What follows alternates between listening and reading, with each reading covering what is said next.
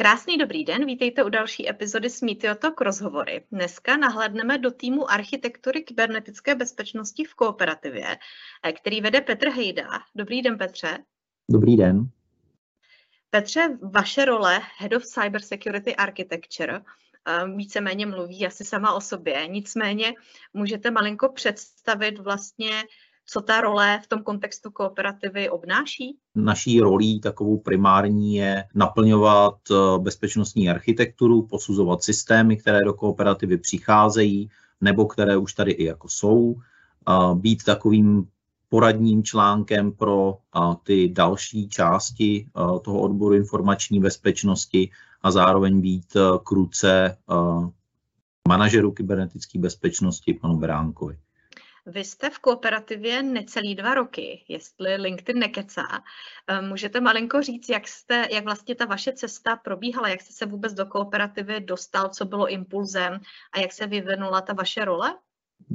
Já jsem původně úplně uh, jsem přecházel vlastně z dodavatelského prostředí, uh, kde jsem působil um, skoro 10 let. Tam odsaď jsem po narození syna přešel do banking sektoru, nicméně zrovna v tu dobu jsem si vybral banking sektor, který byl postižený válkou na Ukrajině, takže jsem byl nucen vlastně po roce v, banking sektoru přejít někam jinam. S kooperativou jsem měl zkušenosti z, toho, z té dodavatelské strany, protože jsem nějaké projekty tady už jakoby dělal a zároveň eh, je mi blízký ten finanční sektor a celkově eh, pojišťovnictví, a proto ta moje motivace eh, se mít byla velká a potom nějakou postupnou domluvou jsem se stal vedoucím toho oddělení a nyní ho rozšiřujeme. Kolik vás momentálně je a jak je ten tým složený? Teď aktuálně jsme dva. Plán, který teď máme, je být tři architekti kybernetické bezpečnosti je to docela taková jako větší ambice. Většinou to bývá tak, že ve společnostech buď tato role úplně jako chybí, a, anebo je zastoupená jedním člověkem, který ale zároveň supluje další různé činnosti. Stavíme i to oddělení tak, aby jsme dokázali sami sebe suplovat, takže aby to nebylo tak, že když já nějakým způsobem vypadnu nebo nemám čas, tak aby i kolega zároveň byl schopný zastát jedna ku jedné prostě moje aktivity. To stejné uh, bychom chtěli od toho třetího člena, uh, protože i ta security architektura očekává spíš seniornější lidi, kteří už prošli nějakým vývojem v té bezpečnosti a očekává se, že ten člověk bude uh, samostatně pracovat a uh, opravdu uh, ten vhled do té bezpečnosti bude spíš jako seniornějšího typu. Protože i ty uh, i ty schůzky, na které se dostáváme, eh, případně eh, situace, do kterých se dostáváme, ať už z pohledu interního IT, se kterým hodně spolupracujeme, tak i samozřejmě s dodavateli našimi, eh, případně v rámci výběrových řízení, tak je potřeba prostě hm, s tou druhou stranou vždycky jako jednat a ty zkušenosti mít. Mm-hmm. Když říkáte, že se ten člověk nebo vy dostáváte na různé schůzky k zajímavým věcem, můžeme se konkrétně pobavit o tom, co vlastně konkrétně řešíte, jaký třeba projekty nebo, nebo témata byly aktuální za ty poslední dva roky? Kooperativa je jedničkou na tom trhu s pojištěním, takže spadáme do poměrně jako významného hráče na trhu. Tím chci říct, že se člověk má možnost dostat i k velice zajímavým projektům, zároveň i k projektům, kde se implementují technologie, eh, které jsou eh, jedničkou na trhu. Takže i ty technologie samotné, ke kterým se ten, eh, ten architekt u nás dostane, jsou, jsou poměrně zajímavé. My jsme procházeli teď řadou různých náštěv od regulátorů, ať už nějakých interních, co máme nařízené ze skupiny, tak jsme regulovaní Českou národní bankou, takže jsme procházeli různými audity, takže Samozřejmě uh, moje oddělení je uh, hodně součástí toho a hlavně spíš součástí uh, toho navrhnout ty nápravná opatření a následně navrhnout jakoby do detailu, jakým způsobem se budou realizovat a ve velké části to i potom jako dohledujeme, nebo jsme, jsme takový orgán, který, který dohlíží, že se to jako naplní protože to pak tomu regulátorovi na druhou stranu, na druhou stranu říkáme. Já původně jsem přicházel z toho bankingu, který oproti pojišťovnictví je malinko vepředu, protože samozřejmě jsou na ně kladeny jiný nároky. Nicméně ty, ty požadavky se samozřejmě mění s tím, jak se i mění potřeba nevím, hlásit pojistné události a podobně, takže se to začíná hodně přibližovat tomu bankingu. I, ten, i ty regulátoři na to takovýmhle způsobem reagují. Na nás to má dopad takový, že my musíme to prostředí docela hodně měnit, přizpůsobovat ho těm aktuálním trendům a zároveň v těch trendech se jakoby orientovat. Takže za poslední dobu jsme byli součástí docela hodně zajímavých projektů typu hardening celého prostředí, síťová infrastruktura, nová nějakým způsobem segmentace v té infrastruktuře, řešíme celý vývojový cyklus a stavíme ho vlastně od základů na novo, tak aby už to respektovalo nějaké trendy, které teď jsou, takové ty buzzwordy DevSecOps a podobně. Součástí i toho, jak jsem mluvil o těch regulacích, tak i Evropská unie na nás klade regulace. Jednou z nich je takzvaná DORA, která se teď jako hodně skloňuje. Možná to znáte i z toho sektoru, který je bližší tady České republice, to je NIS 2, která zase je pro ty nefinanční, tu nefinanční sféru. Nicméně to neklade jenom požadavky na nás, ale jako na skupinu. To moje oddělení se z takového lokálního poradního týmu a, a, a designování dostalo i do skupiny jako takové. My vlastně jsme byli součástí, uh, součástí toho projektu jako za bezpečnost, protože velká část toho, co bychom měli splňovat, je hlavně o bezpečnosti, uh, takže i v rámci té skupiny uh, stavíme něco, čemu se říká Cyber Defense Center.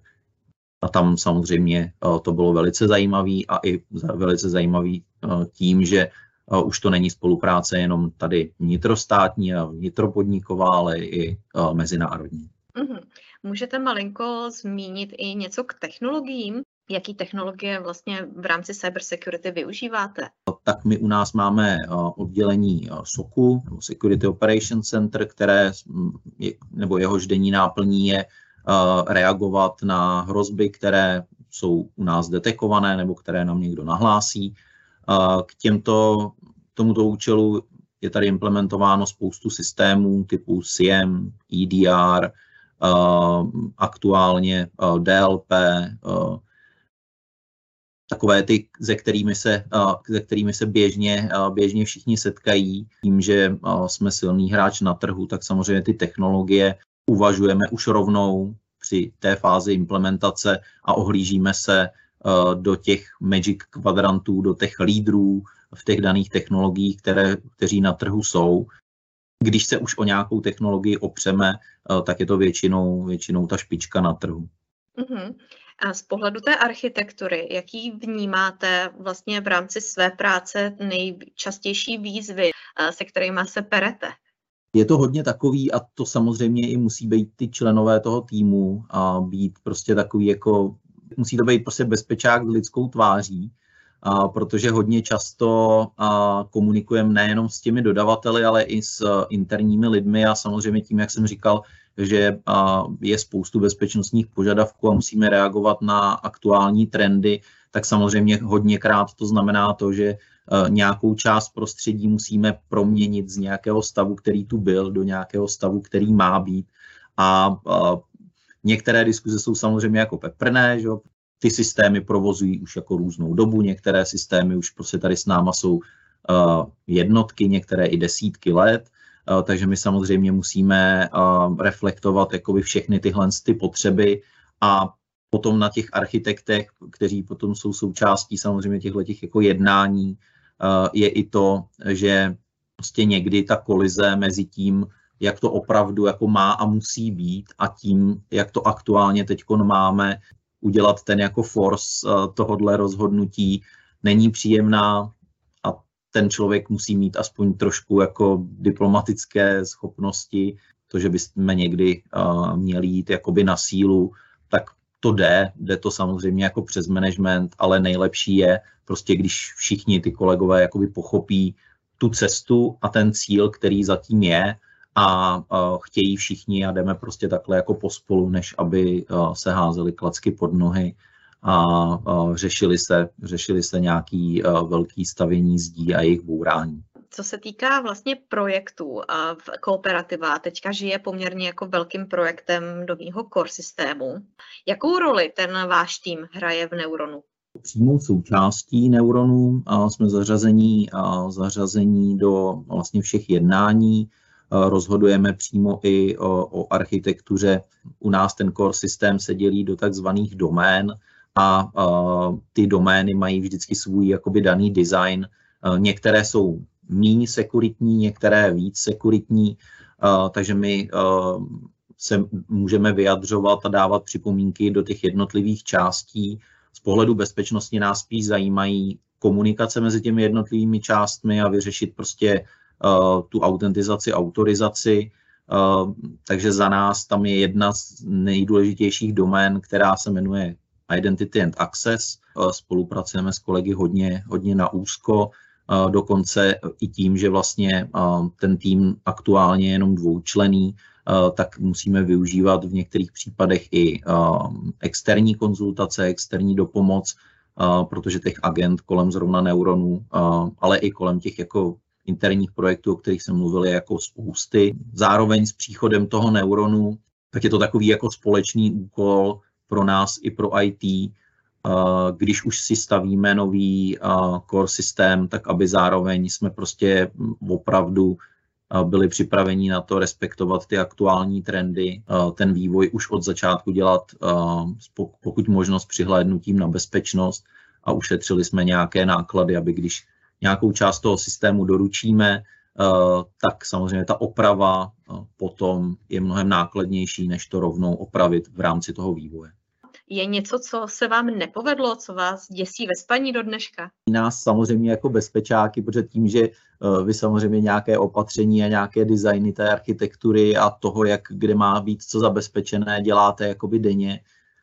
Nicméně určitě nás pořád děsí to, docela rád používám takový jako obrázek na internetu, kde je člověk jako v brnění komplet celý, ale potom uh, samozřejmě ten protivník vystřelí šíp a ten projde projde tou úzkou štěrbinou v helmě prostě do, uh, až tam, kam by neměl, tak to je samozřejmě to, co nás jako bezpečnost jako děsí, jo, že um, prostě vy samozřejmě tady nějakým způsobem budujete nějaké úrovně ochrany, nicméně tomu útočníkovi stačí najít nějakou jednu skulinu, kterou se sem dostane a v dnešní době hrozby typu ransomware, se kterými už jsme se i taky potýkali z osobní zkušeností, jsou jako velké a samozřejmě ten dopad je jako veliký a to nejenom potom na jednotlivce, ale i na celý ten biznis. Už i některé ceřiné organizace ve Vienna Insurance Group se s podobnou situací jako setkali a není to vůbec jako příjemný a to je samozřejmě něco, co nás jako,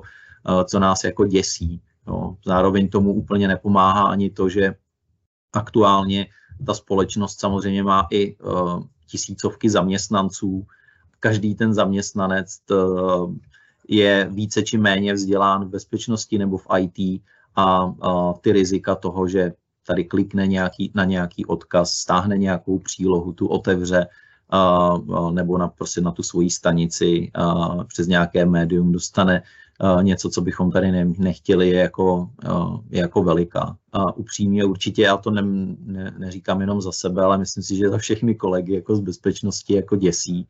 A na druhou stranu i víme, že prostě ta stoprocentní ochrana prostě není, není nikdy. Jo. Že prostě ty hrozby typu Zero Day, kdy vlastně oni hm, zatím ještě nikdo neví, ale nedokážete se teda proti ní pořádně ani efektivně bránit a zrovna tou nám sem někdo projde, tak ty tady jsou a budou vždycky.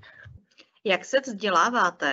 Vědět to, co nevím a jako nebát se, nebát se někde zeptat, anebo i opravdu, když prostě se na nějakém meetingu mluví o něčem, kde si nejsem jistý, že správně rozumím kontextu, tak se opravdu jako nebát doptat protože za nás je jako důležité, aby my jsme vždycky tomu danému tématu jako dobře porozuměli, aby jsme ji potom v případě návrhu nějakých jako bezpečnostních opatření neujeli někam anebo neudělali nějaký krok stranou.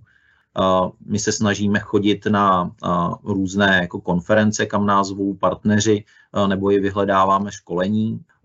No a potom zároveň ta bezpečnost je i takový jako poslání, to není jenom něco, co člověk jako opravdu dělá, ale většinou, když už se dostane na úroveň toho architektur, architekta, tak je to něco, co ho jako baví. Takže člověk jako je zvyklý se v podstatě denodenně vzdělávat sám, jakože prostě koukat po různých LinkedIn skupinách, koukáme po různých fórech, vycházejí různé bezpečnostní zranitelnosti, typy útoků a všechno možné. Takže ať už na cestě domů, kdy třeba jako já osobně jezdím do práce vlakem, takže mám hodinu času prostě procházet různé tyhle ty věci, tak i potom doma ve svém volném čase. To vzdělávání prostě k této pozici patří a musí být kontinuální. Jste naťukl ten domov, tak mě to zajímá z té osobní roviny. Říkal jste, že bezpečák je poslání. Jak to vypadá u vás doma? A máte taky cybersecurity architekturu? Je to tak. To samé, co se snažíme tady propagovat ve firmě, tak je i u nás doma. Samozřejmě jako manželka ta, musím říct, že aspoň dobré to, že je tomu jako nakloněná, není úplně, že by, že by IT byla nepolíbená, docela jako schopná a, a dost často i ode mě nasává prostě IT informace. Nechci říct, že se jí to třeba líbí na nějakou, do nějaký úrovně, ale, ale je toho docela i fanouškem. Nicméně stejně tak jako jako ve firmě, tak i doma ten bezpečák musí určité kompromisy, kompromisy dělat, protože samozřejmě to, že tu domácnost jako hodně zabezpečí, je super, ale když potom manželce nejde třeba Netflix nebo něco podobného, tak je oheň na střeše a nehledě na to. No a ještě když pak jsou malí děti, tak to do toho hází vidle ještě úplně, že jo. Ano. super. Vy jste říkal, že hledáte toho třetího kolegu nebo budete letos rozšiřovat ten tým. Jaký jsou ty hlavní lákadla? Proč by měl se přidat do toho týmu? Na čem bude pracovat? a proč zrovna u vás? Kooperativa uh, je v rámci finančního sektoru, což je určitě velice jako atraktivní, uh, protože už jenom uh, být součástí finančního sektoru zrovna v, té bezpečnosti je určitě jako ceněná věc. Zároveň i ty hrozby na ten finanční sektor jsou samozřejmě větší, takže se jako určitě setkáme rovnou s větším množstvím těch bezpečnostních výzev než v jiných společnostech. Tím, že kooperativa je opravdu velká, tak jsem říkal, tak tady není problém s tím se dotknout jako těch špičkových technologií, které na tom trhu jsou a opravdu ve velkém prostředí, protože máme několik datacenter, těch uživatelů jsou tisíce, jsme součástí prostě velké mezinárodní skupiny. I ta mezinárodní spolupráce je samozřejmě atraktivní. Já bych zároveň ani do týmu vlastně jakoby nechtěl někoho, kdo cílí jenom lokálně, třeba na Českou republiku. Skoro každý den nějakým způsobem musíme i komunikovat s kolegy, kteří nejsou tady v rámci Čech, ale i do různých jakoby zemí v rámci Vienna Insurance Group takže i, ten, i ta kooperace je nějakou výzvou, ale myslím si, že spíš výzvou pozitivní a to bych i chtěl, aby, aby ten sněnový kolega stejně tak vnímal. Těch výzev je tady opravdu jako hodně, ale tím, že ta firma je veliká, tak si můžeme, můžeme dovolit vždycky se pohybovat prostě v té špičce na trhu. A i když my třeba něco nevíme, tak se dokážeme dotknout té konzultantské špičky na trhu a zase si ji nějakým způsobem pro radu přitáhnout sem k nám. Jak z pohledu toho, v jakých projektech můžeme být, tak i z pohledu toho, uh, jaké informace, odkaď a jakým způsobem dokážeme získat, uh, jsou v rámci kooperativy jako jedinečnou příležitost. Super, moc vám děkuji Petře za rozhovor a přeju hezký zbytek dne. Díky. Díky.